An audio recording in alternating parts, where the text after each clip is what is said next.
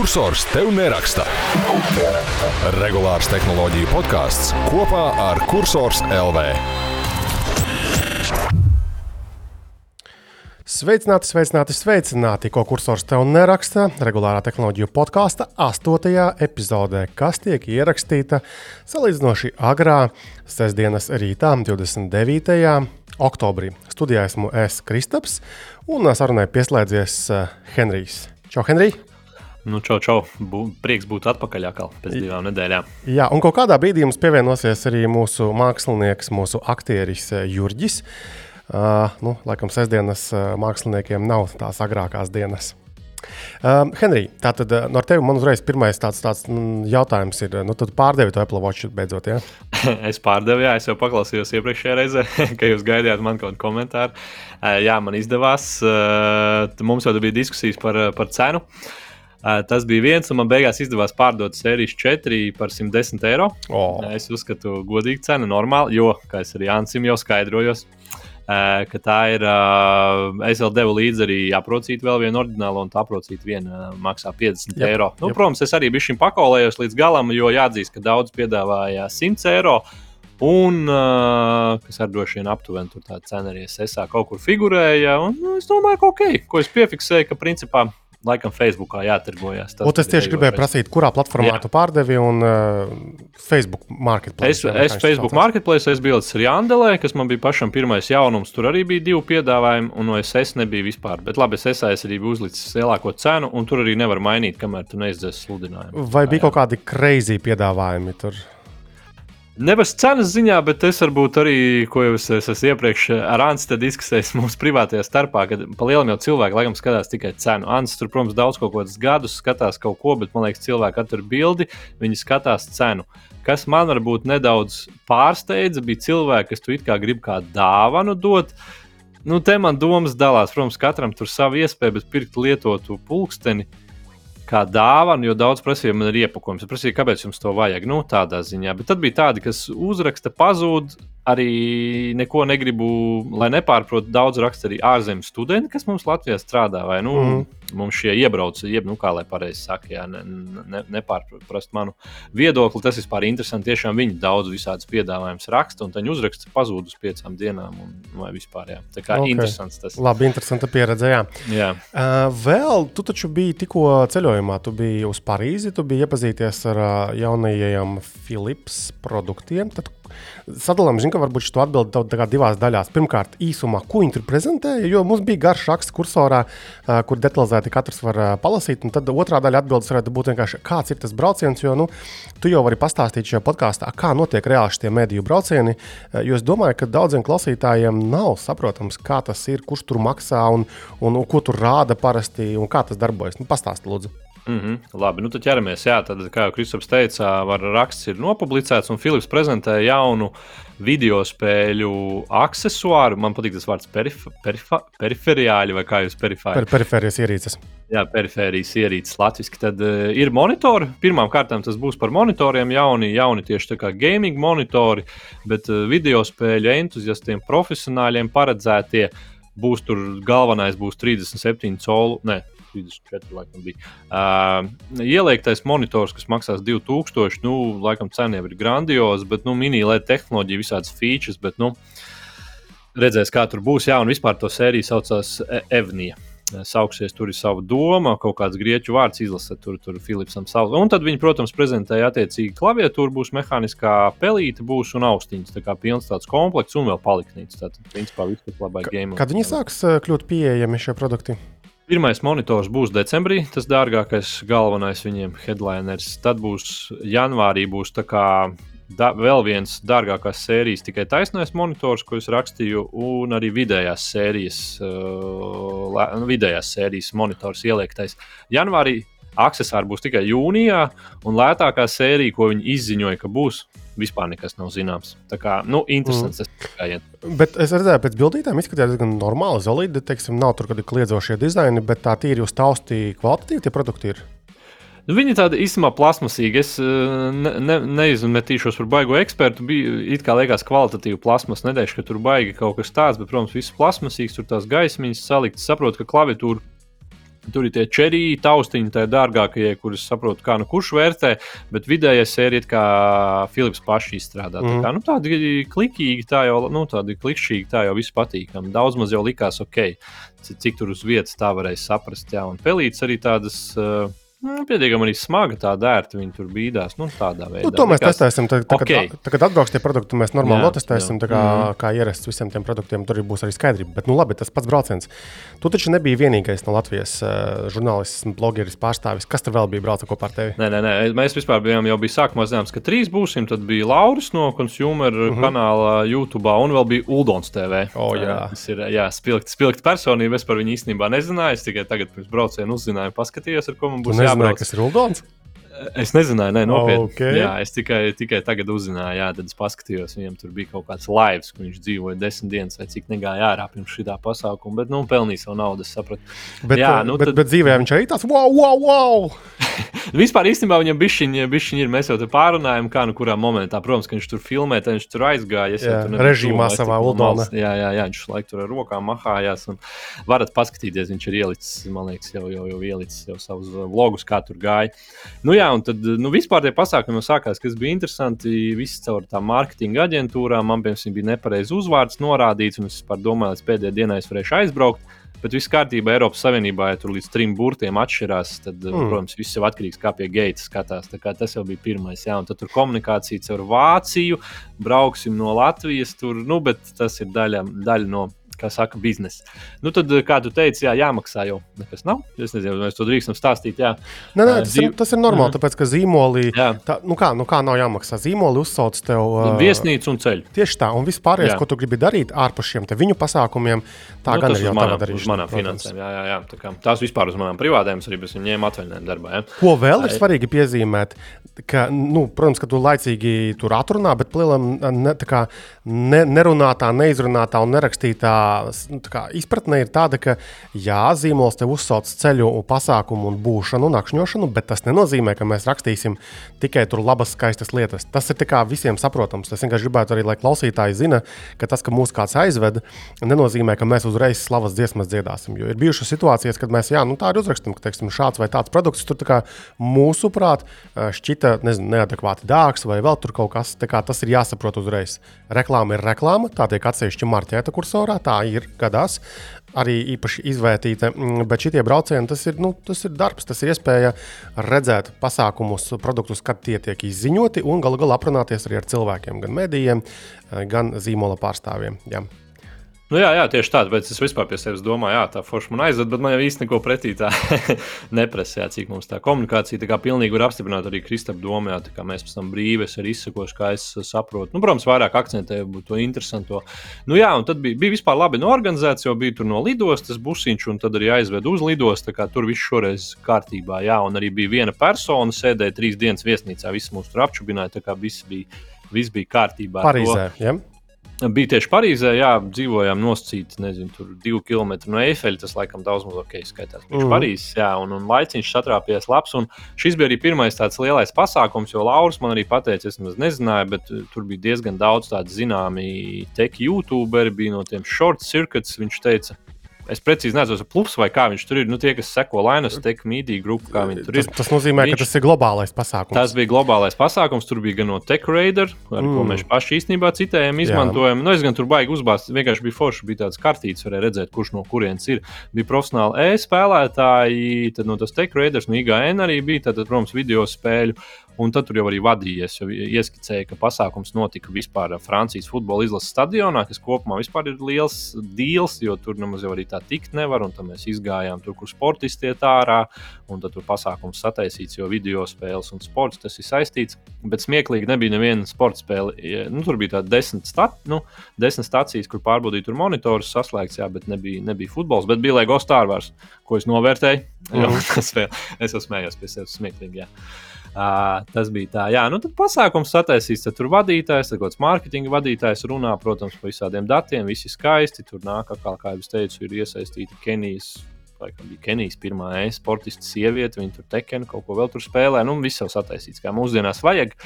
Un tad, protams, ir prezentācija, un tad ir uh, produktu Hands-on. Testēšana, hands-on uz vietas, bet nu, dzērieniņi, alus, kāda kokteili uzjauc saldumi, tad tur tie spēļu elementi, uzkodas. Nu, tādā ziņā viss jā. Respektīvi, zi- smējās, ka es džinu dzēru, jā, bija arī džinu. Jā, jā, respektīvi, zīmoli vēlas, tā kā, lai, lai, lai būtu nu, labi justos cilvēki, lai viņi tur runātos, pētītu, skatītos un labi vienkārši pavadītu laiku. Nu, pa lielam jau tā ir jāsaka, godīgi īstenībā, ja viņi varētu atsūtīt relīzi ar visiem tehniskiem datiem, bet tas jau vairāk būtu uz vietas, parunāties ar tiem cilvēkiem. Jā, nu kā, nu kurš to izmanto, varbūt man arī pēc tam jau vēlāk es tur varētu vairāk sajustos. Tagad es tā vairāk. Vēl, teiksim, labi, šis tāds globālais pasākums. Nu, tu minēji, ka tu komunicēji ar aģentūru no Vācijas, bet, Jā. bet ja notiek braukšana ar teiksim, lokālās pārstāvniecības cilvēkiem, tepat no Rīgas biroja, Latvijas biroja nu, vai Baltijas birojiem, tad parasti vēl ai, pēc pasākuma oficiālā daļas mēs vēl aizējām vakariņās, un tad kā tu neformālā gaisotnē vari, viņi var mēģināt uzzināt, nu, ko tad mēs īsti domājam. Nu, Es domāju, žurnālisti, blogeri, mēdīji, un mēs atkal varam patincināt viņus ar kaut kādiem jautājumiem, ko varbūt nu, tā ikdienā tu nemaz neuzzināsi. Tāpēc ir nozīme šādiem pasākumiem, jo eh, šādi pasākumi ļauj mums eh, nu, kā uzzināt vairāk eh, kontekstu, kāpēc nu, lietas notiek varbūt tā, kā tās notiek. Tā kā forši. Nu, ja vēl būs kāda iespēja ar šādiem braucieniem, tad gan jau, ka brauks, ja būs iespējams. Nē, nē, noteikti. Jā, jā, tādā ziņā paldies, ka noformējāt mani kā pārstāvi. Jā. Bet es pieminēšu ceļojumus. Nu, kā jau Kristaps teica, ceļojums man tur pašam jāplāno. Un te nebija, te bija tīri dzīvošana, transports nodrošināts, kur vajag pārējais. Tad eh, visu pats domā, ko grib apskatīt un cik laiks sanāk. Jā. Ok, labi. Uh, tagad es domāju, ķeramies klāt pie tādām uh, šīs nedēļas aktuālajām tēmām. Uh, tagad mēs esam uh, izskatījuši tavu Apple Watch pārdošanas dīlu. Ir noticis vēl viens pārdošanas dīls šajā nedēļā. Tātad Ilons Masks tomēr par 44 miljardiem ASV dolāru ir iegādājies sociālo tīklu Twitter. Klusuma brīdi studijā.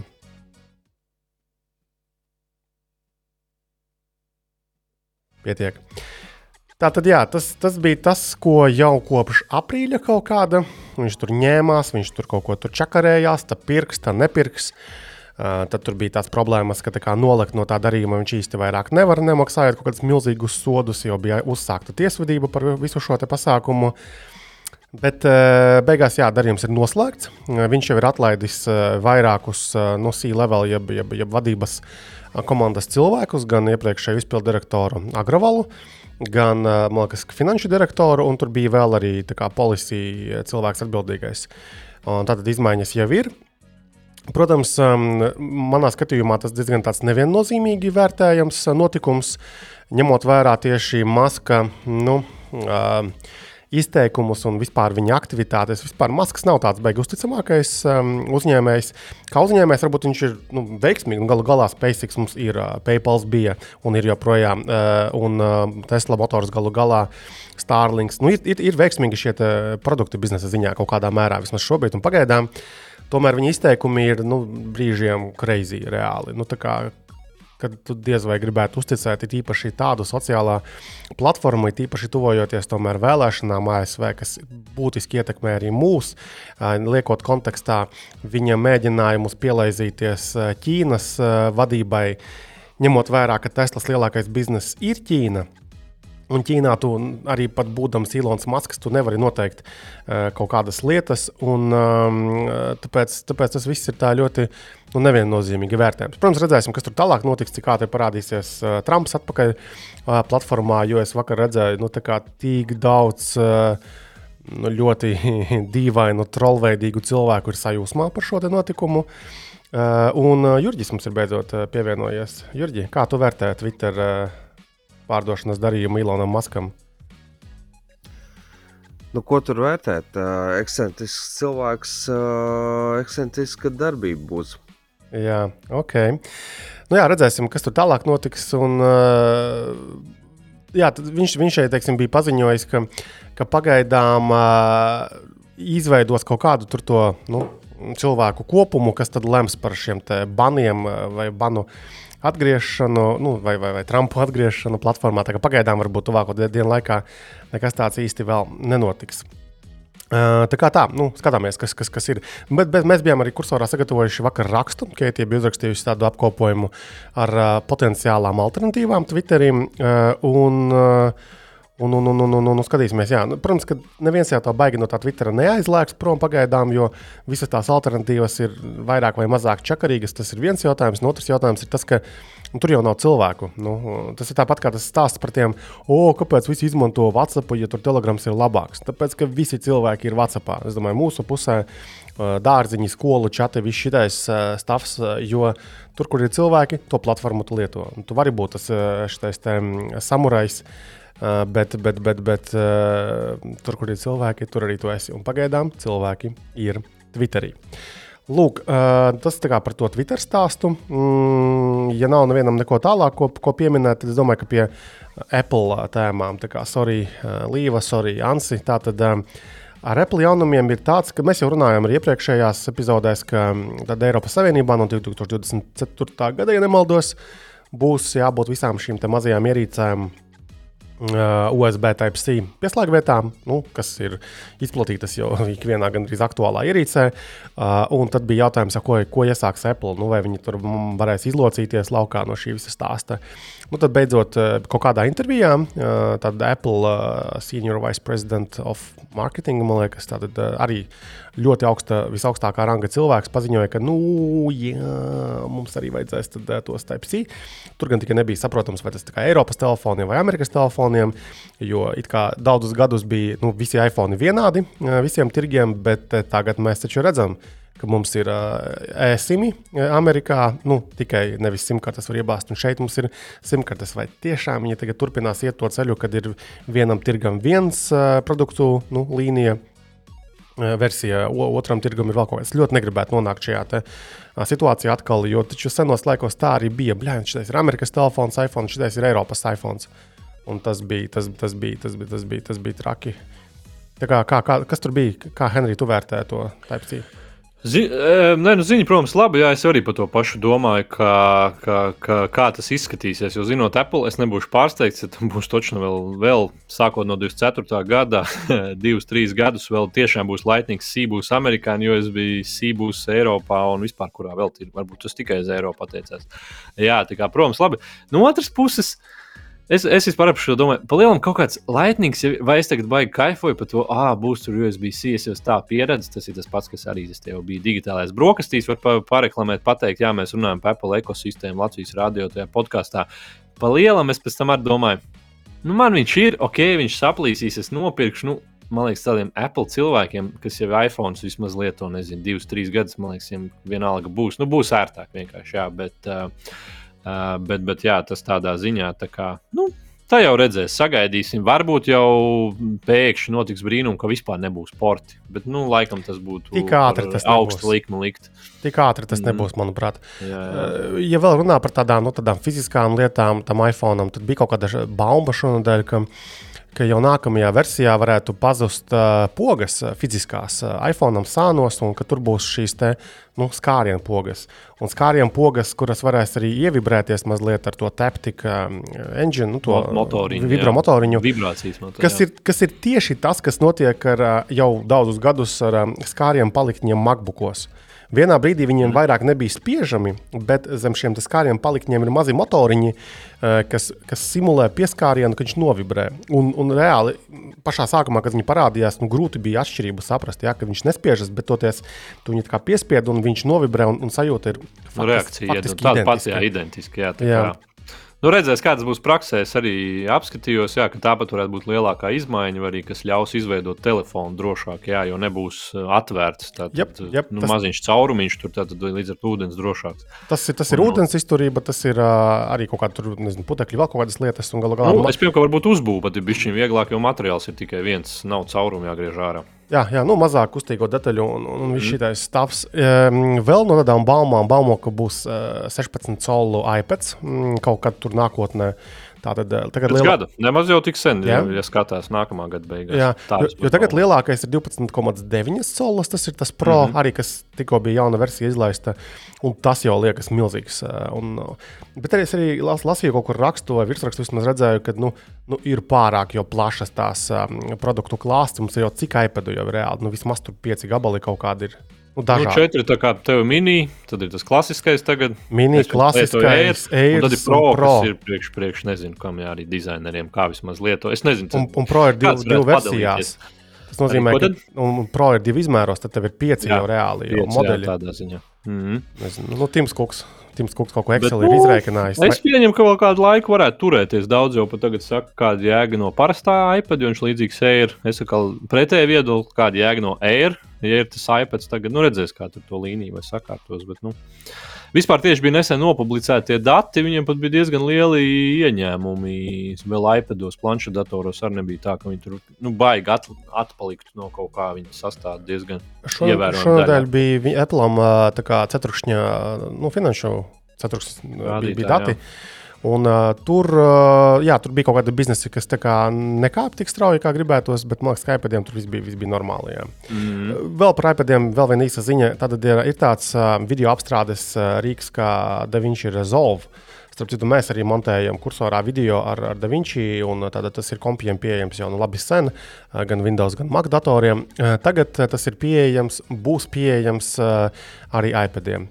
Uh, tā kā tas ir, tas ir big deal. Uh, te, te, Nu, nesot tas pašu Apple, kāds bija aizmirsts. Kas. Šitais te uz F burtumāks bija kaut kāds tur. Sagūglēja ātri. Uh, jā, un respektīvi, Final Cuts. Jā. Uh, jā, uh, jo rezolves ir, ir krūts, jo rezolves ir teiksim, pieejams bez maksas. Tām kaut kādām vienkāršākām lietām, protams, ka tev sarežģītāk kaut ko vajag vai biznesam darīt, tu maksā par to. Bet tā ir tieši alternatīva Adobe premjerai, ko mēs arī esam jaunībā izmēģinājušies. Un, un, nu, nav tur nekas sliktāks. Tā, tā, tā, tā kā vienkārši video salikt kopā ir rezolves pietiekams. Un tas, ka tas ir tev iPadā tagad pieejams, jo tie iPadi jau ir jaudīgi, ļoti jaudīgi pēdējos gados, ka to ir riktīgi montēt un taisīt arī 4K saturu, un, un tā nav nekāda problēma.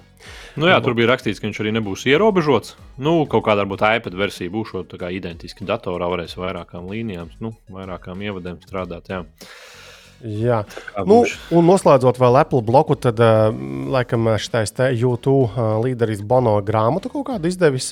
Uh, un tad tajā grāmatā viņš uh, stāsta, mm, kā, kā viņam īsti labi sanāca toreiz uh, ar to YouTube albumu iekļaušanu iTunes. Tas bija pirms kaut kādiem nu, pietiekami daudz gadiem, uh, kaut kādā produktu prezentācijā. Uh, tika kaut kas tur jauns izziņots. Uh, 14. gadā tas bija vēl. Un tad vienkārši visu Apple lietotāju nu, iTunes kontos parādījās nu, par velti. Uh, nu, domāju, no lietotāja skatu punkta raugoties, tas iTunes, uh, ne, bet YouTube albums Songs of Innocence. Un, tas bija tā tāds jauna veida eksperiments, nu, ko YouTube gribēja pamēģināt, jo viņš tur bija baigi dīlojis ar Timu Kuku par to un kā prasīs, nu, Tims Kuks tiešām par velti. Bet mēs taču kā nepiedāvājam bezmaksas mūziku.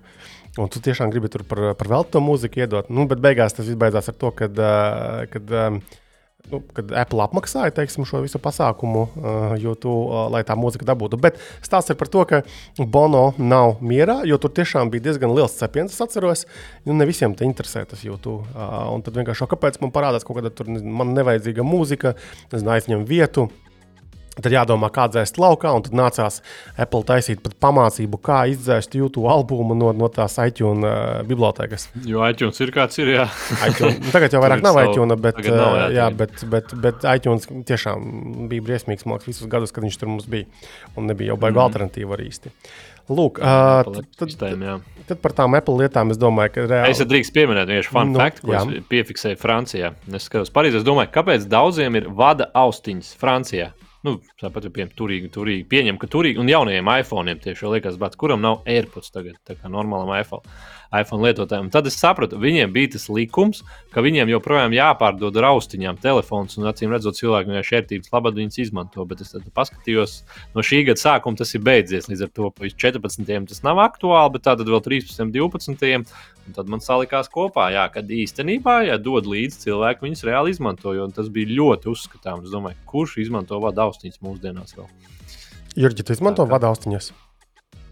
Uh, kā reizi šobrīd izmantoju. Bet, Labi, ā, telefonu. Bet, uh, ja nemaldos, Brazīlijā ir uh, tiesvedība ar Apple par, uh, tieši par šo pašu faktu. Tur bija par lādētāju neiekļaušanu. Man liekas, ka pēdējā vai arī vairākas tur tiesvedības ir. Tur ir uh, vairākas. Tur uh, pirmā bija par, uh, par austiņām, pēc tam bija par lādētāju. Mm, okay. nu, jā.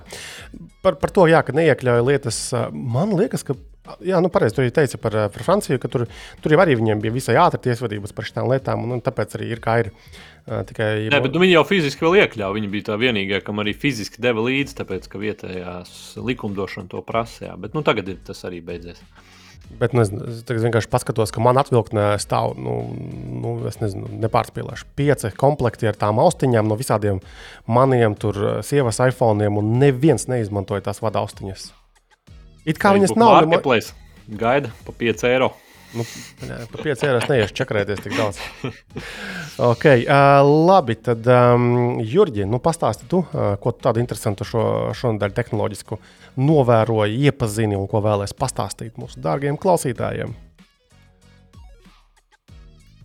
Tātad viena lieta ir tā, ka ir uh, jaunie Redmi telefoni iznākuši, un uh, Xiaomi viņus ir prezentējis ar uh, pāris jaunām lietām. Protams, jaunums 200 megapikseli kameras, bet uh, par to jau mēs esam runājuši iepriekšējos apskatos uh, un podkastos par, uh, par Motorola un tam līdzīgi. Uh, jaunā lieta ir uh, 210 vatu lādēšana, uh, kas ir uh, hiperātra uh, telefoniem.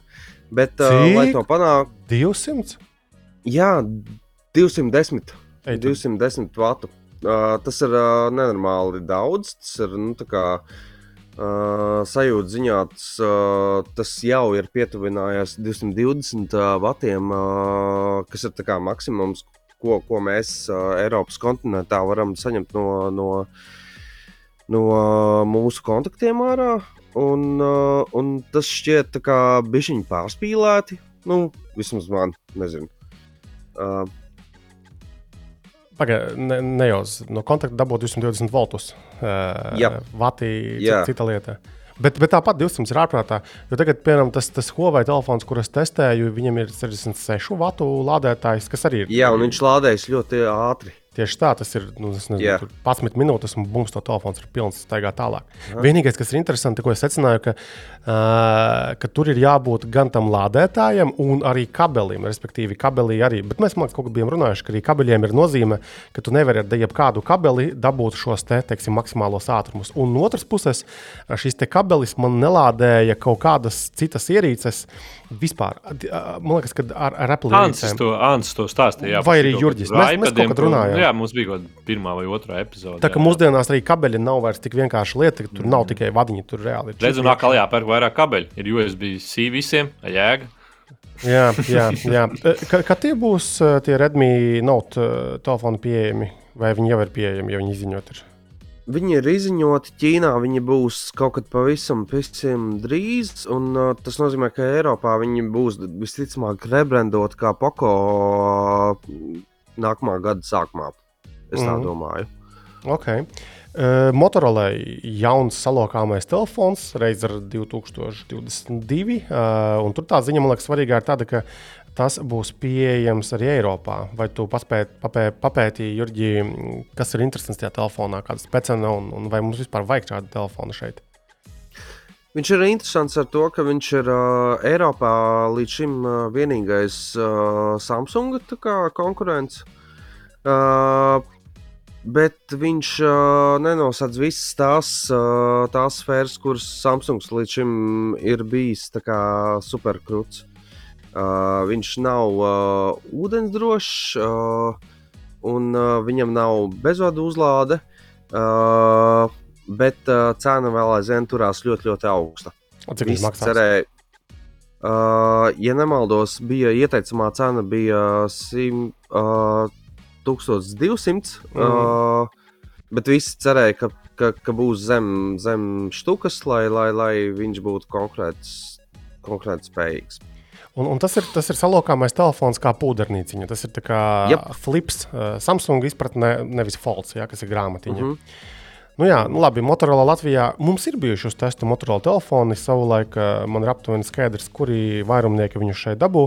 Nu, būs jāmēģina pajautāt uh, uz testu ierīci, jo es domāju, ka nu, ir interesanti arī patestēt kaut ko, kas nav Samsung no salokāmajiem telefoniem. Jo nu, tendence ir tāda, ka paliek ar vien vairāk šo telefonu. Es gan tā skeptiski raugos uz jēgu no šiem telefoniem, bet nu, tas ir tikai mans viedoklis. Citiem varbūt ir, ir citādāks viedoklis. Um, vēl Jurģi, kā, kamēr tu mums šeit eh, vada galā, eh, tad um, tu esi aktieris. Ja? Un es, es vienmēr esmu gribējis pajautāt, kā jūs, aktieri, mm, spējat iemācīties tos tekstus, tām lugām un atcerēties, kādus jūs trikus tur pielietojat un, es nezinu, paņēmienus. Jo tur noteikti kaut kādai sistēmai ir jābūt. Sistēmas mums mēdz būt, un uh, viņas, protams, katram cilvēkam ir citādākas. Uh, Neba vēl tie aktieriem ir. Uh, ir tā, tā sistēma, ko sauc uh, darbs ar sevi. Uh, līdz ar to katrs atrod savu, savu instrumentu, ar kuru viņš iemācās tekstus. Bet, ja reiz esam sākuši par to runāt, pavisam nesen biju Bonas Universitātes konferencē un uh, vēlos nedaudz pastāstīt par uh, par hibrīdo teātri. Bija ļoti interesanti uzzināt, ka viņiem tā vēl aizvien ir stela, jo, manuprāt, Latvijā šī, šāda veida teātris nestrādā. Par hibrīdu, hibrīdo teātri viņi sauc teātri, kurš tā teikt, uh, ir vienlaicīgi eksistējošs gan klātienē, gan attālināti. Tātad uh, tie cilvēki, kuri uh, ir attālināti, pieslēdz Zoomā. Zumā viņi, protams, ir uzdizainējuši foršu šo izrādi, lai, lai varētu patērētājs viņu skatīties. Bet problēma, man liekas, ir viena. Latvijā teiksim, ir ļoti slikta konotācija ar šādu veidu zūmu izrādēm, jo visiem viņi asociējas ar covid, mm. ar, ar kaut ko nepārāk foršu. Līdz ar to tur, tur ir jautājums, vai jūs reāli gribētu patērēt šādu teātri Latvijā. Es pieļauju, man, manuprāt, Latvijā šāda veida uh, uh, jociņš nestrādātu. Un, uh, Bet pagaidi, viņi tā kā tu, tu, tu būtu uz skatuves dzīvē, ja es skatos tevi un paralēli filmē, es redzētu vienu to pašu nav. Jā, tā, ah. jā, jā. jā. Mhm. Tu, tu, tu sēdētu savā divānā un skatītos teātrī, uh, kurš notiktu laivā, bet, uh, bet, uh, nu jā, bet, bet to tu darītu zūmā. Vai latvieši varētu maksāt par to biļeti? Es domāju, ka visticamāk, ka nē. It īpaši, ja ir iespēja atnākt dzīvajā uz, uz īstu teātrī, ar īstiem cilvēkiem, zālē, pasēdēt un paskatīties uz īstiem aktieriem. Mm. Jā, bet, uh, un aiziet uz kafiju jūžņiku. Jā, nopirkt jā. kūciņu par dārgu naudu un balzāmiņu iekāpt vienu vai divus vai trīs. Mm. Uh, jā, bet zigā, man liekas, ka ir ļoti labi, ka ir šādi eksperimenti, jo galu galā nu, nav, tikai, tikai mēģinot un izmēģinot pieejas, tehnoloģijas, kaut kas, tu saproti, kas darbojas, kas nedarbojas. Uh, un Latvijā ir bijuši mēģinājumi, vai, nu, vai tikai ārzemēs es redzēju šādus te. Ir bijuši mēģinājumi, mēs paši esam uh, veidojuši gan ar Dārtiņu Diltu teātru, gan ar citiem, uh, nu, gan akadēmijas ietvaros. Bet, uh, bet jāteic, ka tie mēģinājumi vienmēr ir bijis tāds uh, izmisuma solis, ko darīt tajā, tajā brīdī, kad, kad tev uznāk pandēmija, nu, un tam līdzīgi. Bet uh, no tehnoloģiskā risinājuma man jāteic, ka vācieši bija super visus kā, nu, sastrādājuši, un uh, tas bija brīnums, ko tu Zoom platformā vari kā, panākt. Uh, bet no tāda, tāda mēdīja pozīcijas, nu, es neteiktu īsti, ka tas līdz galam iedarās gan teātras pozīcijā, gan, gan teiksim, kaut kādas interakcijas, kā spēles pozīcijās. Jo uh, bija piesaistīti gan daudz cilvēku, kuri izstrādā spēles, un, uh, un tur bija tāds trikīgi, trikīgi, nu, tā tas rezultāts tam visam kopā. Ok, labi. Nu ja kaut kas parādīsies vēl interesants, teiksim, tā šādā te tehnoloģiskā teātra virzienā, tad Jurģi droši padod ziņu, lai mēs varam vai nu podkāstā iekļaut, vai, vai vienkārši ziņu sagatavot kaut kādu kursorā publicēt. Jo man jau liekas, Bet ka mums ir radioteātris. Latvijas radio. Tā, labi, tas man liekas, ir vēsture. Radioteātris ir ar senu vēsturi. Un, uh, jā, kā tas darbojas? Bagāts. Tas ir kā teātris, ko raida par radio? Laikam jā, ieraksta nu, Jurģi, jā, vienkārši viņi ieraksta, iz, nu ne jau no izrādes. Podkāstā tu sēdi jā. pie mikrofona un ie, ieraksta savu lomu. Aha, ok, labi. Tā kā, jā. Jā, es starp citu biju arī nesen teātrī, pirms nedēļas vai vairāk pirms nedēļas, uz Jaunu Rīgas teātri, un uh, tur bija op op Operation Mindfuck. Ļoti aktuāla tēma patiesībā arī ar tehnoloģijām saistīta tēma, respektīvi tas ir par uh, troļļu fermām. mm, Un, un, un, tā kā, un to virzienu. Man uh, tīri labi patika nu, aktieru spēle. Tur bija daži šie jaunie aktieri. Nu, tiešām patika. Tur bija arī Artus Kaimiņš. Nu, ka viņš nav jaunais aktieris, bet eh, man liekas, viņam ļoti atbilstoša loma bija. Man patika ļoti noformējums vizuālais. Eh, Pašā tajā lugā, vai nu es kaut ko reāli nesapratu līdz galam, bet man likās tāds, nu, tāds ok, jā, šito es zinu. Nu, man pietrūka varbūt sižeta kaut kādu interesantu pavērsienu, bet tā kopumā ļoti interesanta, ļoti aktuāla eh, luga. Un tur vienā momentā Uh, kaut kas tur sajauca, man liekas, tekstu. Un, uh, un, un, un, un, un, un, un Artus uh, tā arī teica, pagaidiet, nepareizais teksts, sākam vēlreiz. Un tu vienkārši vēlreiz šo gabaliņu paņēmi. Un tad man jautājums tev, Jurģi, kā šīs jomas profesionālim, tas, kā, tas bija inscenēts, vai vienkārši tiešām sajauc tekstu, ka, tā mēdz gadīties, un tad viņi tu, bums teikumi daži atpakaļ un vēlreiz šo segmentu sāk. Kā, kā tas notiek teātrī? Konkrēto izrādi neesmu redzējis, līdz ar to nevaru spriest, bet uh, tas ir ļoti atkarīgs no žanriem. Teiksim, uh, ja tev ir žanrs, kurā ir ļoti korekts teksts, uh, pieņemsim, dzēja, uh, tad tu neko īsti tur uh, izmainīt nevari. Uh -huh. Bet, ja tev ir žanrs tāds, kurā tu vari kaut ko pamainīt, man pašam ir gadījies tā, ka, teiksim, uh, mēs diemžēl apspriešanās dēļ izējām ārā no tēliem uh, un pat noķeram aplausus no, no, no publikas, uh, kam tas tīri labi patīk, uh, un tur turpinām spēlēt. Tu, Tā tu, kā tu, tu, tur galvenais tikai nenošokēt kolēģus, ja, kad tu esi kaut kur aizburājis bišķiņu tur un lai viņi neapjūg. Bet atkal, Jā, nu, jā, bet profesionāli, tāpēc ir Tad, tad profesionāli. citu, citu izrādi beigās nospēlē. jā, Jā. Bet par aptus gadījumu ir jau cepiens Twitterī ierastais. Kārtējais. Man, Kā viņa, no, visi. man viņš ir nobloķējis, nezinu, par ko cepiens tur, kas tur bija. Tur laikam Jurģis Liepnieks vai kurš arī šo pašu norādīja. Viņš uzskata, ka tā ir nekompetence tomēr. Kura? Eh, Kad šādi viņš pasakā, esot jau divreiz bijis šāds gadījums, es redzu, jāizstāv izlasījā. Jā, jo Twitterī jau ir jau diskusija ir aizgājis par šo konkrēto, ko tu arī Ah. minēji. Tā varbūt, ah, tas divreiz ir bijis, bet ok, labi. Nu, kaut kā tā tur jau aizgājies. pareizi Tur, tur, tur izrādē ir tāds diezgan intensīvs uh, moments, kad tur ir četri cilvēki un viņi milzīgi strauji, straujā tempā runā. un Es ticu, ka tur var nokļūdīties. Bet atkal nu, viņi ir profesionāli. Viņiem būtu jāspēj maukt uh, dažādos apstākļos. Ok, labi, teātris, teātris. Jā, tad, kā jau minēju, Jurģis mums ir uh, aktieris un uh, profesionāls. Un, un, un, un, ja tu pamani interesantas tēmas, droši runā stāsti arī nākamajās epizodēs kaut kādās. Jo, manuprāt, tas, tas ir rīktīgi forši, ka cilvēki no savām jomām var paņemt kaut ko tehnoloģisku un pastāstīt arī pārējiem. Uh, Jurģi, vai tev ir vēl kaut kāda interesanta ziņa, kas ir aizķērusies uh, no šīs nedēļas? šajā nedēļā nav, uh, būs nākamajā. Okay. Labi, tad es domāju, ka Jurģi mēs droši varam laist uh, tālāk. Izskatās, ka mēs tiešām esam uzrāvuši tevi agrā rītā. Ir ok. Māksliniekam miedziņu vajag. Jā, tagad vai paldies, Jurģi. Tā, Henrija, atpakaļ pie gadgetiem. Samsung iespējams strādā pie sava viedā gredzena. Eh, Kaut kādas baumiņas bija no, noklīdušas, un kaut kāda pat bildīte ar kaut kādu tādu gredzentiņu ir parādījusies. Un, ja mēs runājam par šāda veida šiem viedajiem gredzeniem, tad es domāju, ka mēs jau, mēs jau bijām arī runājuši, ka es testēju Aura Ring, kas ir viens no šiem tā tādiem zināmajiem viedo gredzenu uh, zīmoliem. Tepat no Somijas uh, nāk šis zīmols. Tur tā doma, ka tev ir gredzens, uh, tu viņu uzlādē tur reizi nedēļā, un tad viņš, jeb tas spēj izmērīt tavu temperatūru, temperatūras izmaiņas, taču to te, uh, miera sirdsdarbību, laikam, vai kā to korekti sauc, un tad vēl tur kaut kādi daži parametri bija.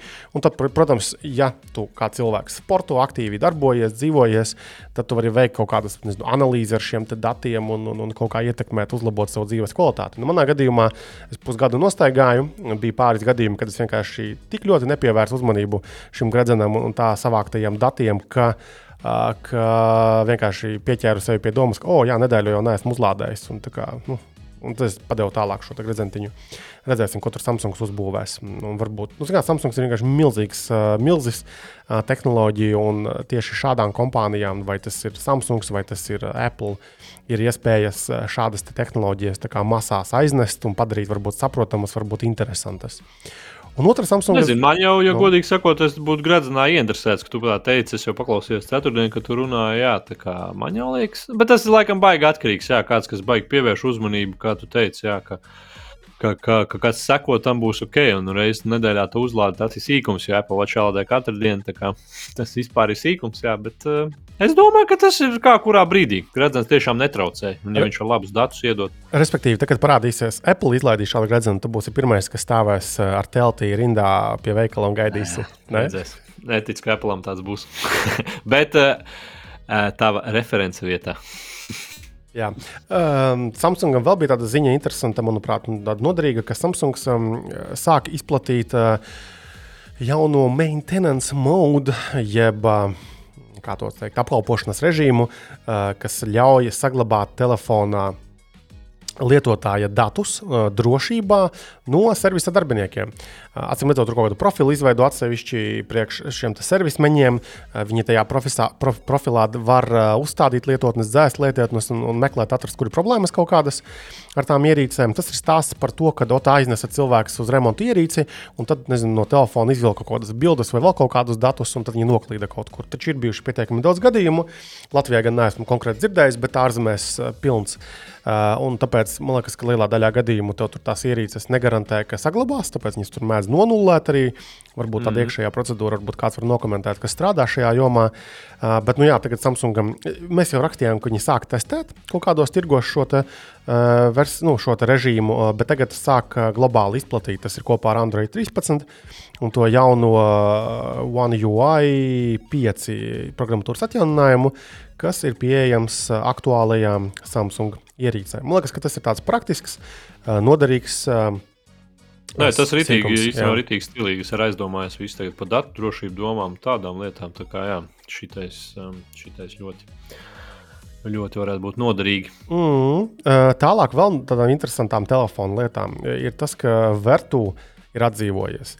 Vertu tā tad ir uh, ļoti uh, dārgu vietālu ražotājs, un dārgi tie ir. Tāpēc, ka nu, labi, tas ir dzelzs kā dzelzs, bet tas, ka tur viņiem bija tur tās aligatoru ādas, tur tādas ādas, šī tādas ādas, tad tur zelta kaut kādi šitie te elementi korpusā un, un, un kaut kādi šitie te diamanti vai vēl kas tur, vai rubīni ir bijuši arī. Un, uh, un tagad jā, viņi iz- izziņojuši jaunu vertu, metavertu. Nu, tāpēc, ka metavers, un tad tur ir iepīts arī nosaukumā Web3, uh, ka tur ir kaut kāds tātad, čips drošais, kurā var glabāt kaut kādas šifrētas lietas, kas vismaz ārprātīgākais bullshits, jo vienkārši viņi mēģina burāt uz kaut kādām aktuālajām tēmām. Lētākais šis te metavertu maksā sākot no kaut kādiem maksām. 3600 dolāri. Jā, 3 3,6 tūkstoši, man liekas, arī eiro. Līdzīgi, un, jā, jau bija paritāte tagad dolāram un eiro atkal. Un, ā, un dārgākais bija kaut kas ap 40 ā, šiem te 6 tūkstošiem, tas bija par to zelta versiju. Dzīvē mēs esam testējuši, kursorā tiešām, ja pagūglēsi, atradīsi vērtu telefonu apskats. Man liekas, Nu, vismaz vienam bija. Tas bija sen, tas bija uh, laikos, kad Rīgā bija uh, vērtu veikaliņš, buļķīgs.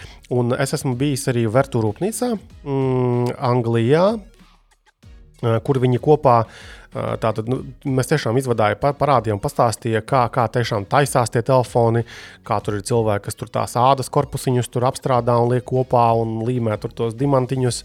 Kā viņi testē tās ierīces, tas bija reāli, reāli interesanti redzēt, kā rūpnīcā kā tas viss top.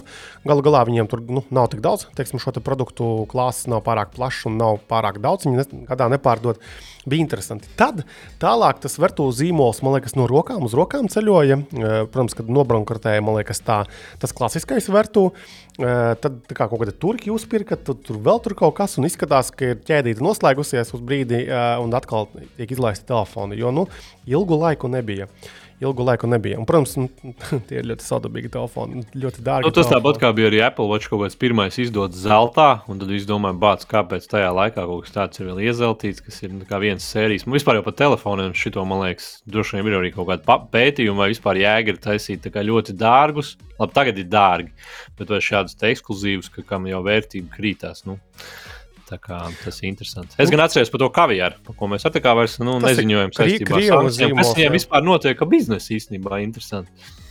Bet, nu, gan jau viņi Es to domāju, ka tā kā tie ir krievi, viņi ir atraduši kaut kādus workaroundus, uh, veidus, Tāpat jau kā viņi var ar kaut kādām citām valstīm to biznesu savu tīrīt, attīstīt tālāk. Nu, tā kā, mm. Es domāju, ka Krievijai viņiem noteikti bija noieta tirgus, uh, tirgus tāpēc, ka tur ir uh, Bū, ir kas pērk droši vien. daudz tāds- cilvēku ar naudu, mm. bet ar maz prātu, jā, un uh, nu, vienkārši zinot, kas tur par produktiem. Bet, bet daži tur bija ļoti kreizī uh, varianti. Tur, man liekas, ar meteorīta gabaliņiem iestrādātiem. jā, jā, tas Viss bija pat no pēdējiem kaut kādiem. Mm. Tieši tā, nu, jo stāsts ir par to, kā padarīt ierīces unikāls. Ja? Bet noslēdzot vēl to tēmu, um, jā, protams, tie korpusi ir ļoti interesanti, kvalitatīvi un, un, un, un ja interesē ādas un vispārējais. Um, Bet iekšā tas telefons sajūta bija nu, kā ar kaut kādiem cat telefoniem. Jā, tev ir, tev ir, tev ir interesanti ir āriene. Cat gadījumā tas ir ķipa izturīgais. Telefons vertu gadījumā ķipa luxury. Jā.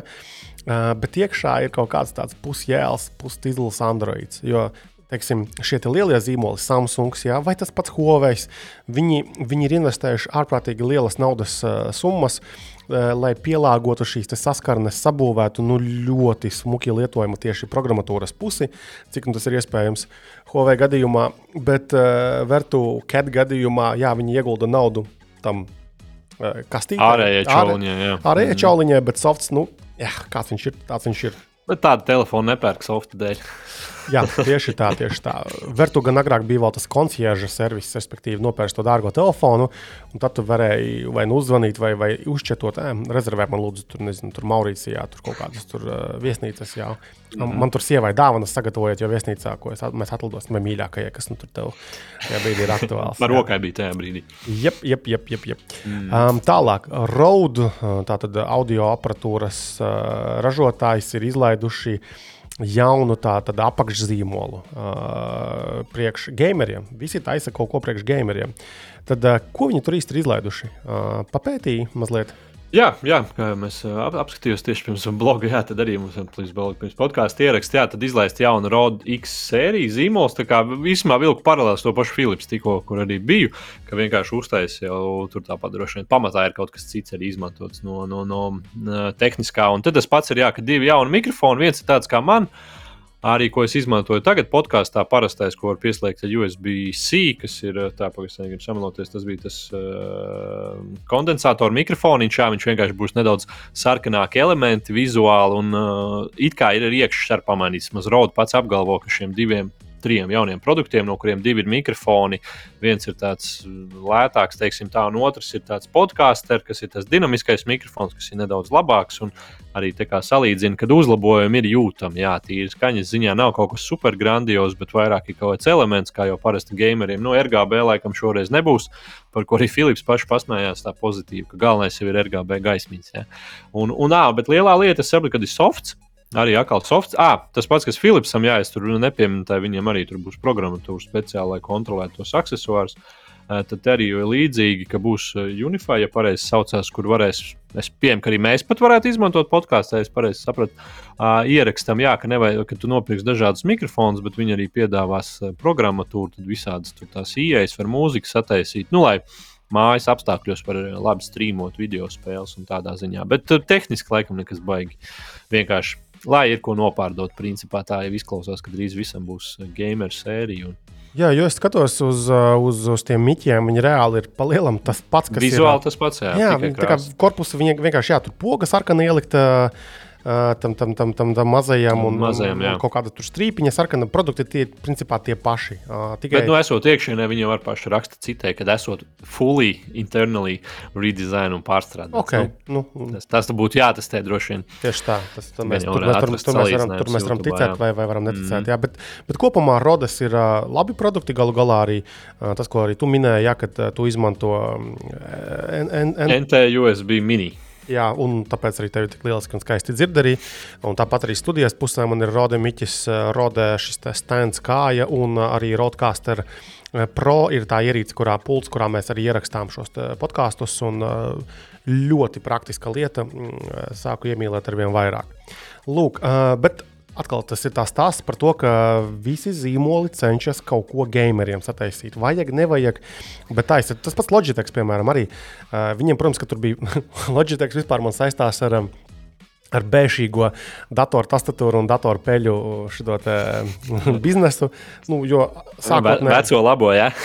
jo, jo man liekas, ka vispār tik sen, cik man kompija ir, un tas ir no man, manas piektās klases, kas ir nu, jau nezinu, 20, 30 gadi atpakaļ, man bija tieši Logitech kaut kāda tastatūra, Logitech pele. Man, man ir sajūta, ka tā pele, principā, ja man būtu kur iesprāst tas stekeris, viņa dzīvotu vēl tagad. Ar bumbiņu? Jā, jā, protams, un, un tā, tā spēles reāli, vispār tie produkti Logitech var būt ļoti ilgmūžīgi.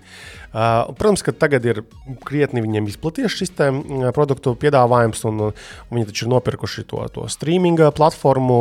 Man liekas, ka, um, ai, kā sauc to, eh, ko visi izmanto streaming. Nu, ne jau Twitch. Nē, nē, nē, softu. Ah, softu, oi, nezināšu, tad ir jāapstāsta. Tu vari tikmēr labi, kamēr es, es varu pa, pa, pieminēt tas pats pa pašu Logitech. Viņiem jau ir Mac sērija. Priekš Mac datu tas tā pats spēle, vienkārši cena tā pati. It kā uzlabots tur Bluetooth savienojums, jo Macam jau parasti labāk viss bezvados saslēgties. Jā, tikai tas uh, identiski vispār var vilkt paralēlus, jā, ka visiem. Es atradu, ka Logitech mm -hmm. 19. gadā nopirka kompāniju Streamlabs, kas taisīja ah, OBS. Mm. Tātad OBS ir tas uh, softs, Eh, ko visi izmanto, izmantoja, un tagad viņi par sevi sataisīja un, un par savu produktu. Un, un viņiem ir arī dažādas gameru šie produkti. Vēl par Logitech piezīmēšu, ka tagad atkal apbrauca kaudzīt ar, ar, ar jaunām pelēm, jaunām tastatūrām. Uh, šīs konkrēti ir Macintoshiem pie, pie, piemērotas. Ah, tu dabūji tagad tās tējām. Jā, es MX Master 3, 3 mm. un Lift. Tātad tas ir tā, tā, tā vertikālā pelīte. Man bija Tātad ikdienā es izmantoju Razer Mamba. Kā, nu, gameru peli palielam. Esmu ārprātīgi pieradis. Viņa ir tāda liela izmēra, manai lielai plaukstai forši viņu virsū turēt. Un, un, un, viņai ir tāda gumijoti sāniņa, ka tu vari ērti pacelt viņu. Un, un man ir ļoti grūti pierast pie, pie tās MX Master, jo tehniski viņai ir tur rullītis tāds, rullītis šitāds, režīms tāds, režīms šitāds un pogas tādas un šitādas, kuras var ar to options plus lietotni tur konfigurēt. Bet, um, Kopumā man ir sajūta, ka tā Razer pele ir kudi precīzāka. Vai nu tas ir ar tiem DPI saistīts, bet, ja es kaut kā aktīvi kustinu to peli, eh, precīzāk kursors kopē manas kustības Razer gadījumā peles nekā ar Logitech. Varbūt kaut kādas iestatījums vēl neesmu apskatījies. Nu, pasties, un, un tā ir viena lieta, un otra nu, lieta ir tas, ka uh, man ir grūtības pacelt to eh, to, to, to Logitech peli, piemēram, pacelt, lai pārliktu uz citu pusīti, jo viņai tā apakšdaļa ir smagāka, un viņa tā kā izšļūst laukā no rokas manējās. Lūk, tas, un tad kā, nevarēju nedēļas laikā pierast pie tās peles, un tad es paņēmu to liftu, kas ir tā vertikālā pele. Pirmās dienas bija grūtas, bet tad vienā momentā kā, tev, tev, tev pielādes, kā, kā viņu lietot. Viņa, viņa vēl grūtāk ir pacelt, nu, ja tu cilā peles pārvietojot pa galdu. Uh, Bet ir tik interesanti tas rokas sajūta, ka nevis viņu guļ uz peles, bet viņi ir tā kā. Nu... À, es tev gribēju prasīt, jā, kā, tu, kā tu viņu turi. Nu, nav tā kā klasiskais, ja guļās. Uz sāna sanāk. Jā, jā, uz, uz, sā, uz sāna. sāna. No sākuma grūti nokoordinēties, ka tas piet pogas tā kā nevis uz leju, ja, bet tā kā sāniski. Mm. Uh, bet ir sava fiška. Man, man vienīgais gribētu būt bišķiņ lielāka izmēra to peli, bet tur bija tā, tā lielā lifta, man liekas, vai kā viņi tur saucās, tā pele. Jā, jā tā, man liekas, saucās, jā. Vai vertikāla vai kaut kas tur. tur man liekas, ka lift. Man liekas, ka lift. Mm. Jā, es vienkārši arī tagad biju kaut ko pastostu. Jā, jebkurā gadījumā būs apskatīti drīzumā arī par šiem produktiem. Jo, kā jau minēju, Logitech taisa kvalitatīvu stafu, kvalitatīvus produktus, un arī gameriem viņiem ir lietas pieejamas. Un Ancis arī testēja dažus tur gameru produktus un bija diezgan stāvā sajūsmā par tām lietām. Um, tālāk, uh, McLaren uh, Formula 1 komanda ir noslēguši sadarbības līgumu ar kaut kādu kompāniju, uh, ar uh, Seamless Digital. Un tad viņi nākamā gada uh, formulā mašīnās iebūvēs elektroniskās tintas displejus. Tas stāsts ir par to, ka, ka reklāmas tātad ir nevis uzlīmētas uz šīm te, uz šiem te Formula 1 bolīdiem, bet um, viņas spēs dinamiski attēloties. Un, un tā ir tāda interesanta stela. Iedomājies, tu varēsi uh, tātad noslēgt dīlu, jeb, jeb sadarbības līgumu ar, ar šo komandu. Un panāk, ka, piemēram, tāda tavu reklāmu sacīkšu gaitā parāda tur, nezinu, tur 1050 impresiju. Ja? Tas ir mm, baneru biznesa reāli. Iedomājieties, tev būs mašīnas ar, ar kaut kādiem nu, šiem baneriem.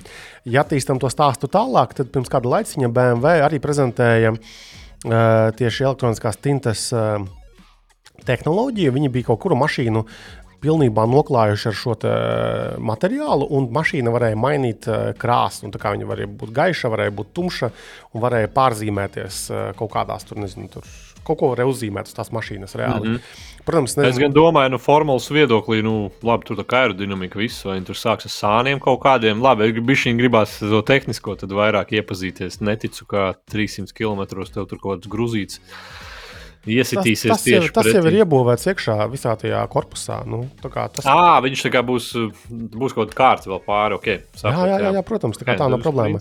Jā, jā, bet, bet, jā, no, noslēdzot to BMW galu, jā, viņi testēja mašīnu, kas spēja mainīt savu krāsu un zīmējumus kaut kādus.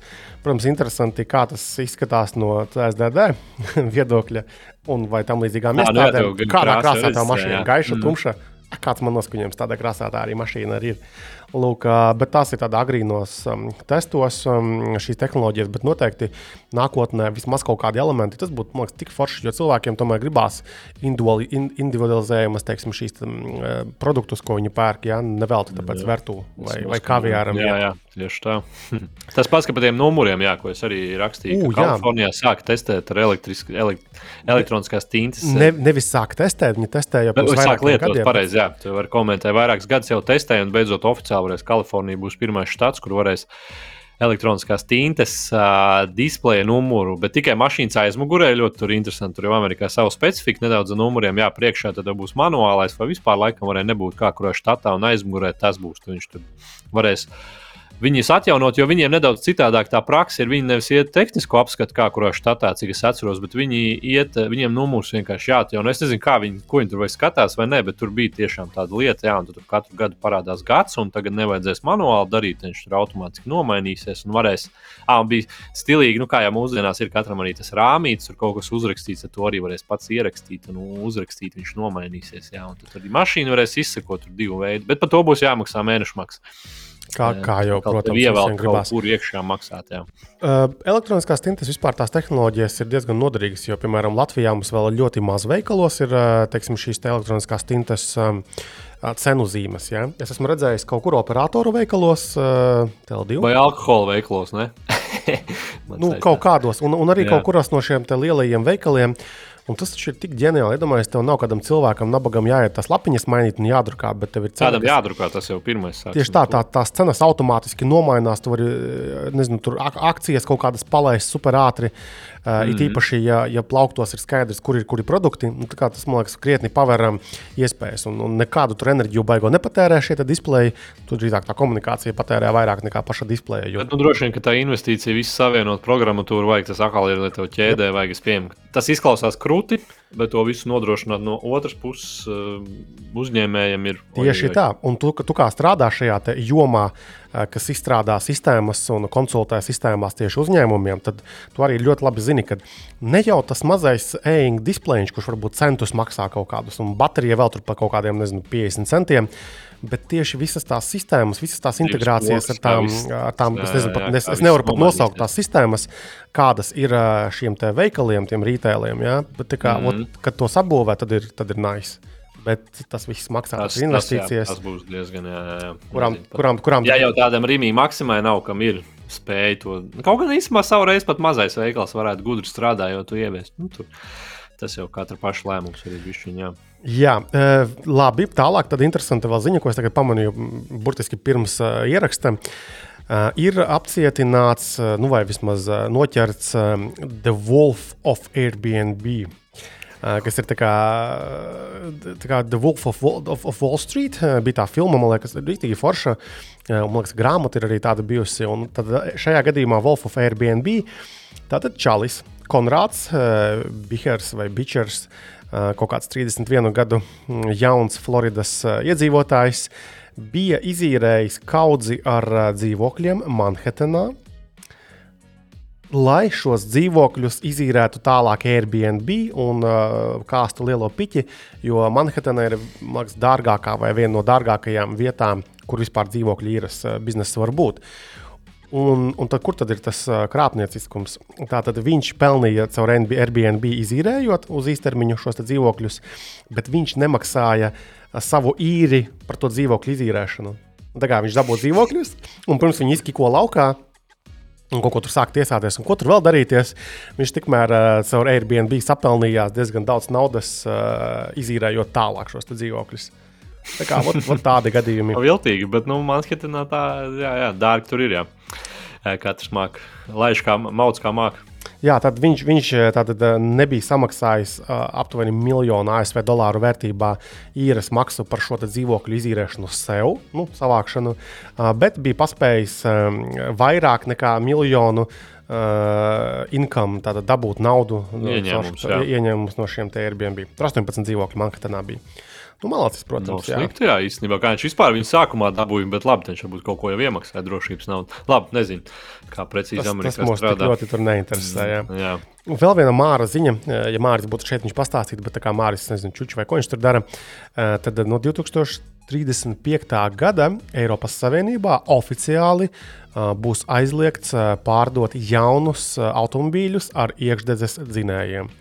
Tātad 2035. gads Viss mēs šeit vairāk nevarēsim iegādāties jaunus šos purkšķinošos dīzeļu vai benzīnu. Pagaid, tas ir arī par hibrīdiem tagad, vai nu, tas tomēr liekas, tikai jā, tikai? Liekas, ka jā, ka tev būs jābūt. Vienkārši liekas tas tālu, bet no otras puses, ja padomā, es neticu, ka kaut kas tik krasi mainīsies, būs pieejamāki. Jā, elektroautorāta, bet, nu, bet, šis jau arī karsts temats šodien. Bet Twitterī jau arī par šo cepās, nu, kad, nu, protams, mm. ka var, var gribēt visu kaut ko, bet nu, tur pretestība būs visdrīzāk milzīga arī no šiem lielajiem ražotājiem no Eiropas. Un varbūt arī pārtiesās, un varbūt tas nemaz tik ātri arī nebūs uh, nu, reāli šis pasākums. Mm. Lūk, uh, jā, vēl Interpols ir palaidis uh, metaversā uh, kaut kādu apmācību vietni, kurā māca šos jaunos policistus, nu, vai ne obligāti jaunos policistus, kā cīnīties ar virtuālajiem noziegumiem. Uh, tu, to video rullītis tā paskatījos, izskatās diezgan hm, smieklīgi. Un es īsti nesaprotu, priekš, kam tas ir jādara. Bet, nu, Kāpēc? Kāpēc tā izmantot? Vismaz viņi var atkal redzēt, nopārdot uh, Quest Pro. Man liekas, jau tur arī par to runāja. Tas ir labs piemērs, kā biznesa to biznesa strādā. Kad ja tev neiet konsumer produkti, nu mums mašas patēriņiem, tad tu pārdod visu tās brilles un varbūt kaut kādu naudu nopelni. Jā. Tā kā tādā veidā. Nu, kaut kāda nezinu, līdzekļu apgūšana vai, vai kas tur ir. Nu. Nu, protams, reālā pēc tam var uztaisīt tāpat kā Tesla savulaik uztaisīja Model 3, kad nopārdod kaut ko dārgāku, sapēlu naudu un tikmēr paralēli attīstīt, lai lētāk to var saražot. Jā. Mm -hmm. Tesla arī ziņoja, ka viņam jau paredzēts nākum, nākamā mašīna, kas būs lētāka, vienkāršāka modeli divu laikam viņa sauksies. To arī, to arī mā, mākslinieks. Kurš jā, bet nu, tas zina, nevar saprast, lai kaut kādas mainās tās info, vai tas būtu Eiropā vai Ķīnā kaut kur, jā, es ar, ar redzēju par šo ziņu. Jā, bet nu, tā kā mums ir Berlīnas tā lielā rūpnīca, tad uh, tas atsauksies. Nu, tas izklausās iespējamāks nekā pirms gada, piemēram. Jā. Un man ir vēl viens stāsts par žuļiem. Tātad mēs arī rakstījām šodien par to, ka kāds hakeris eh, vārdā Adrians Kvietkovskis, ka tik ne poļu izcelsmes, no Ipsvičas, uh, Anglijā, uh, ir, uh, ir atrāvies 18 mēnešus cietumā. Uh, par to, ka viņš bija uzlauzis uh, vairāku mūziķu uh, tātad, uh, online kontus, ja, mākoņu servisos. Tur gan nebija pateikts, kādos. Un uh, starp šiem mūziķiem bija Eds Šīrans un uh, Lila Uzīverta.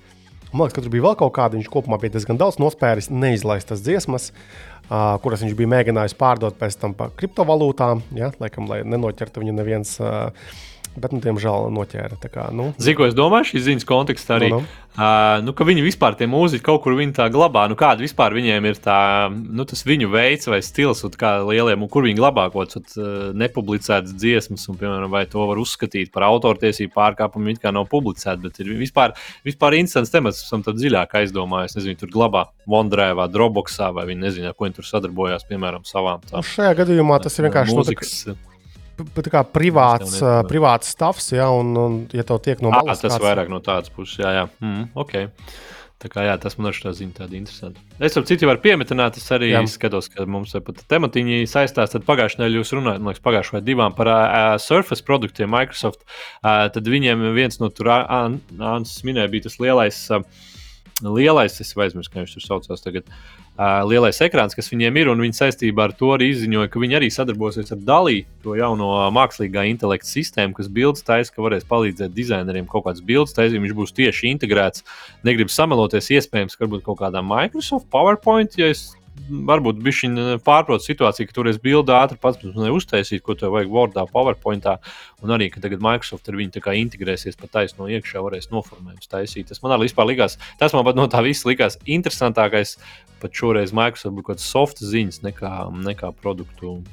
Mm -hmm. Jā, tā kā tā vēl tas, ko tu man atgādināji pirms podkāstu ieraksta, ka vajag izspērt uh, to, ka Apple testē jaunu iCloud versiju, tādu iCloud tīmekļa pārlūka mm, versiju, kas ir uh, nu, standartā pieejama iCloud.com, kur tu vari tikt klāt no, no tīmekļa, tātad kalendāram, e-pastam, uh, ierīču sārakstam, Find My un, un daudzām lietām. Jā. Un tagad, tagad, ja mēs dodamies uz beta.icloud.com, un ja mums ir Apple ID, šis konts un, un Apple ierīces, paskatāmies, kā izskatīsies. Tur vēl daudz gluži ir redzami šur tur, bet dizains ir pavisam cits. Varbūt ērtāk, varbūt foršāk, tur bija šī pielāgojamāk šis skats, jeb dashboards ir. Admin panelis sauc kā gribi. Paskatāmies, ja? tad beta.icloud.com. Nu, man liekas, ka tas varētu būt tieši Windows lietotājiem kam, kas varbūt netiek klāta. Kompī tik daudz tam visam, kas ir sasinhronizēts no citām ierīcēm. Tad, jā, nu, bet Windows kompī jau taču ir tā, kā viņi tur saucās, companion app, kur uh, iCloudam tu vari tikt klāt. Tad tev mapītē rādās tur bildes, tev mapītē rādās, teiksim, šie iCloud drive dokumenti. Bija viņam. Ja godīgi sakot, neesmu, neesmu lietojis. Es tikai zinu, ka tagad būs normāla integrācija. Drīzumā būs iCloud integrēts, tā kā Windows. Windows 11, ja? Windows 11 tikai jautājums, kurā brīdī to viņi arī izziņoja. Pēc tam, jā, pēc to Surface produktu prezentācijas, ka būs normāla integrācija, izskatās, ka beidzot ar, ar iPhone telefoniem. Tāpēc interesanti, kurš nāk pretī šajā sadarbības modelī. Bet nu, noderēs kopumā jau noderēs. Jā, tagad pārmetamies uz uh, kaila foto tēmu. Tātad, um, ir tāds uh, Amerikā, man liekas, populārāks, uh, krietni nu, sociālais tīkls, lietotne Bumble. Uh, kas ir Tinderis, tikai ne Tinderis. Viņš ir zelīdāk, tur zelīdāk publika parasti apgrozās. Labi, šo es nezinu. Tu...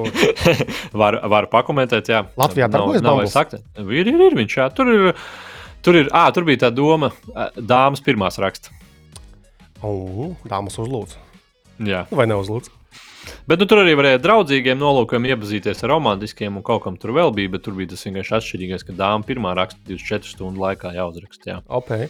Un, uh, tur tas tās ir tāds, ka uh, viņi ir um, open sourceējuši, ja padarījuši brīvāk pieejamu uh, savu uh, nu, mākslīgā intelekta, uh, slash mašīnu mācīšanās risinājumu, kas ļauj automātiski noteikt uh, kailfoto.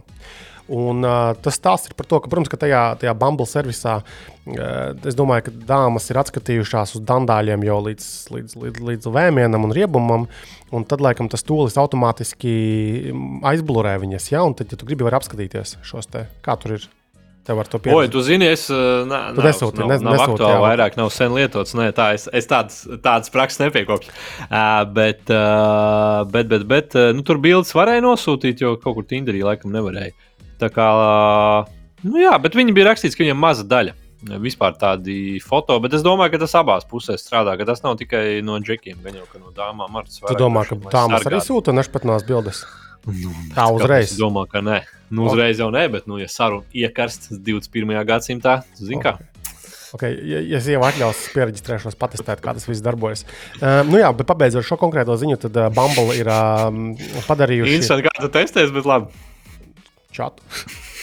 nu, lūk, un kā, Bumble ir padarījuši pieejamu šo savu rīku, kas ļauj noteikt automātiskā veidā šos kaila foto un, nu, vai vismaz atkailinātās ķermeņa daļas, ko var izmantot teiksim, cilvēki, uzņēmumi kaut kādās citos savos produktos, kur, kur mēs vēlamies tieši novērst vai nu kaut kādās bērnu aplikācijās, nu, kur noteikti nav jāredz šādas lietas. Un, un tā ir reāla problēma, jo no nulles pašam to uzbūvēt. Uh, Es ticu, ka tas nav vienkārši. Tur diezgan daudz darba jāiegulda. Mm, liekas, kā iMessage'os arī bija, ka pirms nosūta var uzlikt arī, kad vecākiem panāk paziņojums, vai vispār to bildi sūtīt. Viņi arī sākumā laikam ir nu, blurred. Latvijas, mums ir miglaini, jā, bildes labi var kontrolēt. Kas ir labi, ja es ar kopumā atzīstu. Jā, ok, labi. Vai mums ir vēl kaut kas tāds, ko mēs vēl neesam izrunājuši, bet ko noteikti vajadzētu pieķert šajā stāstā?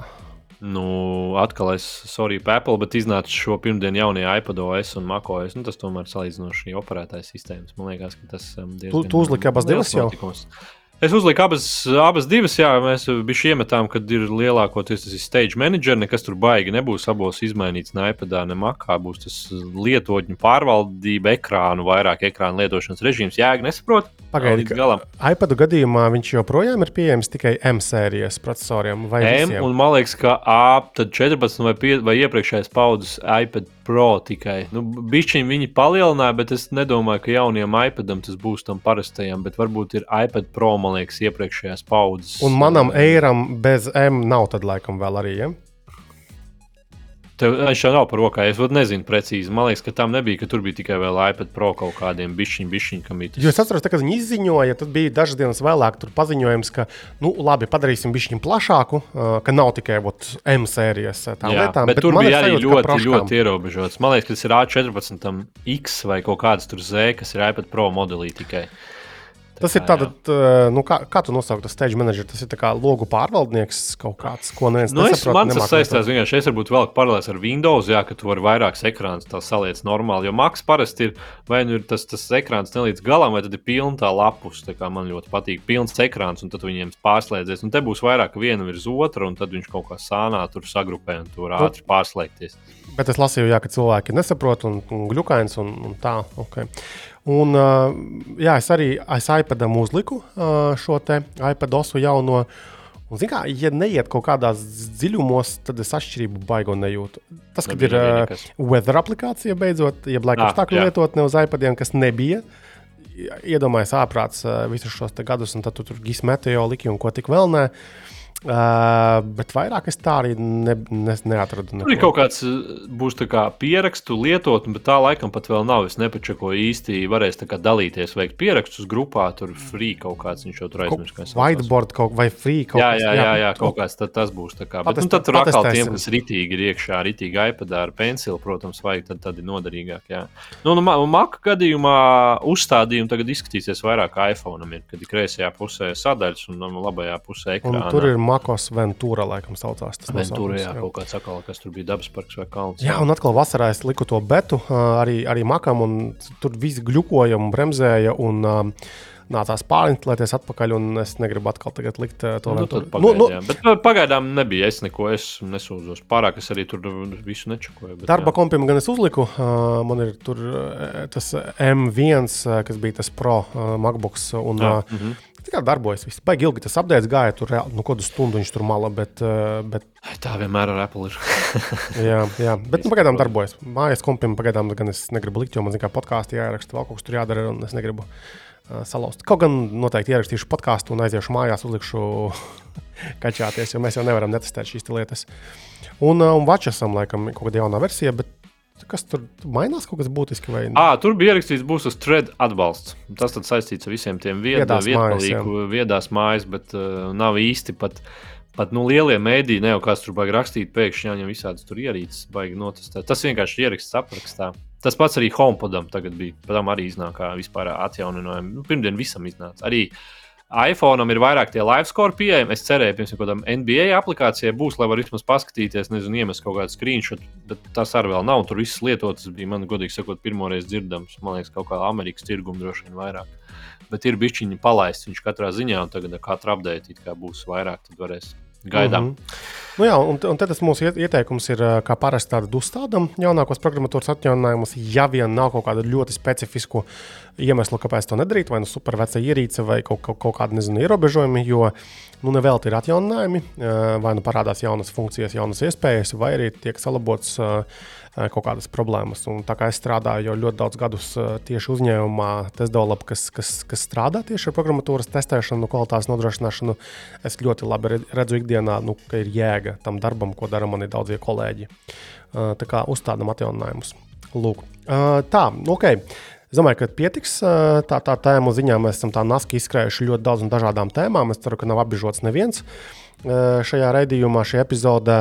Piezīmēšu, ka tātad mums nākamajā tātad, nedēļā no apskatiem būs tas, tas monitors. Um, uh, ko, ko, ko Ansis ir notestējis. Tātad tur bija uh, kas tur bija Philips AG275QX. Tātad 27. Uh, izskatās kaut kāds gamer monitors. Tad es ceru, ka Jurģis pabeigs Asus Zenfone 9 apskatu, kas kaut kādu laiciņu pie viņiem, liekas, viņš jau sāka kaut ko drukāt. Tad es pabeigšu Sirijas 8 Apple Watch apskatu. Man ir bildes jāsaliek, tā man jau viedoklīds ir. Varbūt viņi var uz pirmdienu paspēt arī mums izmantot. Es domāju, ka paspēsim, jā, jā man bildes Ideāli. Jāsaliek. Noslēgsim tad mēnesi, tad mums mm. būs kaudze ar aktuāliem ierīcēm. Mums bija Ultra, mums bija iPhone 14 Pro Max un tad mums bija Sirijas 8 uz ūsuņa būs. Paldies. Uh, un uh, tad ir kaudzīta jā, ar, ar tām Logitech mantām, kā jau minēju, MX Master 3 for Mac, uh, Lift for Mac. Tātad šīs peles, uh, ko es arī pats jau testēju. Un uh, vēl tad pie mums. Uh, Pagātnējais jautājums. Viņam jau nav tas USB pieslēgts, tas donglis. Dongļi pat nav. Šitajā Palielam, cik tie es saprotu, tikai bezvadu. Tie toči simtprocentīgi bezvadu. Jā, jā, Bluetooth mm. spēles. Jā. Nu, viņas ar dongliem arī darbojas, bet komplektācijā jā. nav iekļauti dongļi. Mēs arī mēģinājām saprast, ka Windows versijā tur laikam tur krāsas kaut kuram produktiem mainās un ir tie dongļi iekļauti kastītēs. Mm -hmm. A šeit kastīte ir pilnīgi tā pati. Tur ir pat padziļinājums kaut kādam tam donglim, bet viņš nav iekļauts iekšā. Nu, Ot, versija. Maksā to pašu, saņem mazāk. Lūk, jā, ja tā padomā. Jā, un tad uh, vēl tā kā mums brauks uz testu, cik es saprotu, viens uh, mājdzīvnieku barošanas ierīce. Uh, par to detaļas būs vēlāk, kad, uh, okay, kad saņemsim. Tie, Automātiskā kaut kādā. Jā, jā kas laikam tur tos graudiņus var iebert cik, cik vajag pēc noteikta laika. Kā arī daži akvāra produkti, uh, respektīvi viedās mājas, tur radiatoru regulātori. Man mājās ir akvāra, tātad hubs un, un pāris tur sensori, durvju atvēršanas sensori, temperatūras, gaisa mitruma mērīšanas sensori un kustības sensors. Un būs forši iekļaut iekšā paskatīties, kā tas viss darbosies. Un bija vēl arī kaut kādas, man liekas, kamera, viena vai divi nāks no TP-Link. Tā kā būs atkal kaudzīt ar ierīcēm, interesantām. Plus mums ir izsūtīti jauni produkti no Gigabyte. Tas jau tādā datoru komponentu jomā, tur, tur Ansim būs ko testēt. Man liekas, ka video karta šajā gadījumā būs. Jo mēs sākam iepazīt aktīvāk arī Gigabyte piedāvātos produktus. Tas viss tad drīz. Tad jūs ielikāt to lielo RTX. 40, 90. Nu, vēl nav jau. Es nezinu, es nezinu nav kur, vēl, es, ne, ne, es neatceros, kur tur video kartē atbrauks. Man liekas, ka 40, 90 varbūt nebūs. Bet tai nu sazini, tam būs keistis kaut kur jāmeklē. Lūk, uh, un, un, un, un, un, un tā tad, ja tev ir kaut kāds jautājums par, par, par kaut kādu tēmu vai ierīci, ko mums obligāti vajadzētu apskatīt, izskatīt, tad droši dodies uz kursors.cl. slīpsvītra podkāsts, jo tur ne tikai varēs noklausīties visas mūsu ierakstītās epizodes arī kursorā, bet arī varēs uzdot tajā formā jautājumu, un mēs saņemam jautājumus. Uz daļu no jautājumiem mēs esam atbildes iestrādājuši podkāstā jau šobrīd, un daļa jautājumu ir tādi dziļāki, tur mums pašiem ir jāpavāc informācija, un tad mēs noteikti arī centīsimies atbildēt uz, uz, uz jautājumiem, kas ir uzdoti uh, mums. Tā kā tā, labi. Uh, milzīgs paldies, ka klausījies šo mūsu astoto podkāstu epizodi. Paldies eh, Henrijam, eh, ka bija aktīvs un interesants sarunbiedrs. Paldies arī Jurģim, eh, kas agrā rītā priekš mākslinieka piecēlās tomēr un pastāstīja aktualitātes no savas puses, un īpaši no teātra puses. Un lai mums visiem izdevies ir teiksim, nedēļas noslēgums un super jaudīga nākamā darba nedēļa. Atā, atā, atā.